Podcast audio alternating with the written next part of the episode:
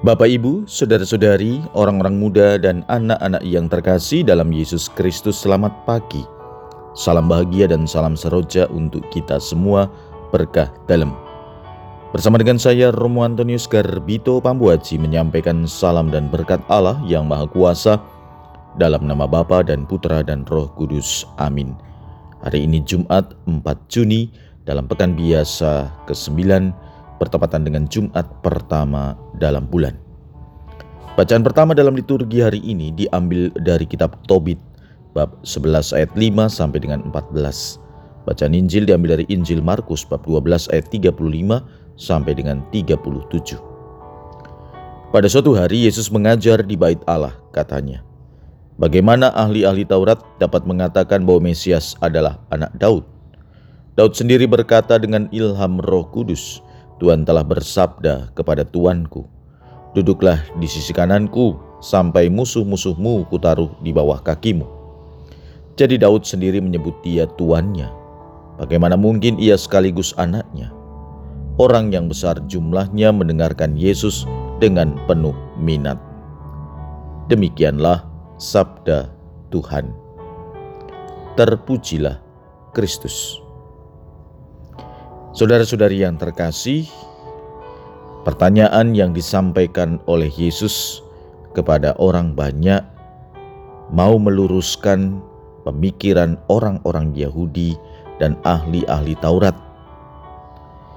Yesus mengatakan bahwa Dia bukan Mesias, pewaris tahta Daud secara politis bukan seperti yang dipikirkan orang-orang Yahudi dan ahli Taurat. Dia adalah tuannya Daud dan karena itu berada di atas Daud. Dia tidak hanya Mesias sebagai raja keturunan Daud, tetapi juga sebagai Tuhan. Dia adalah Mesias yang akan memerintah seluruh bumi. Wilayahnya jauh lebih besar dari kerajaan Daud. Inilah maksud dari pertanyaan Yesus. Ingin meluruskan apa yang menjadi pemikiran orang-orang Yahudi dan ahli Taurat. Saudara-saudari yang terkasih, saat ini kita hidup berada di zaman ini, maka keteguhan iman kepada Yesus sebagai Tuhan dan Mesias akan membantu kita, membawa kita pada kehidupan kekal. Marilah, saudara-saudari yang terkasih, teladan iman yang dibangun, dibentuk oleh Yesus kepada para muridnya menjadi kesempatan bagi kita untuk meneruskannya.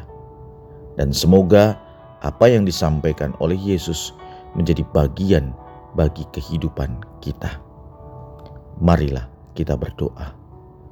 Bapa yang Maha Kasih, kami bersyukur karena Engkau membimbing, menuntun kami pada keselamatan kekal. Berkat Allah yang Maha Kuasa, dalam nama Bapa dan Putra dan Roh Kudus. Amin.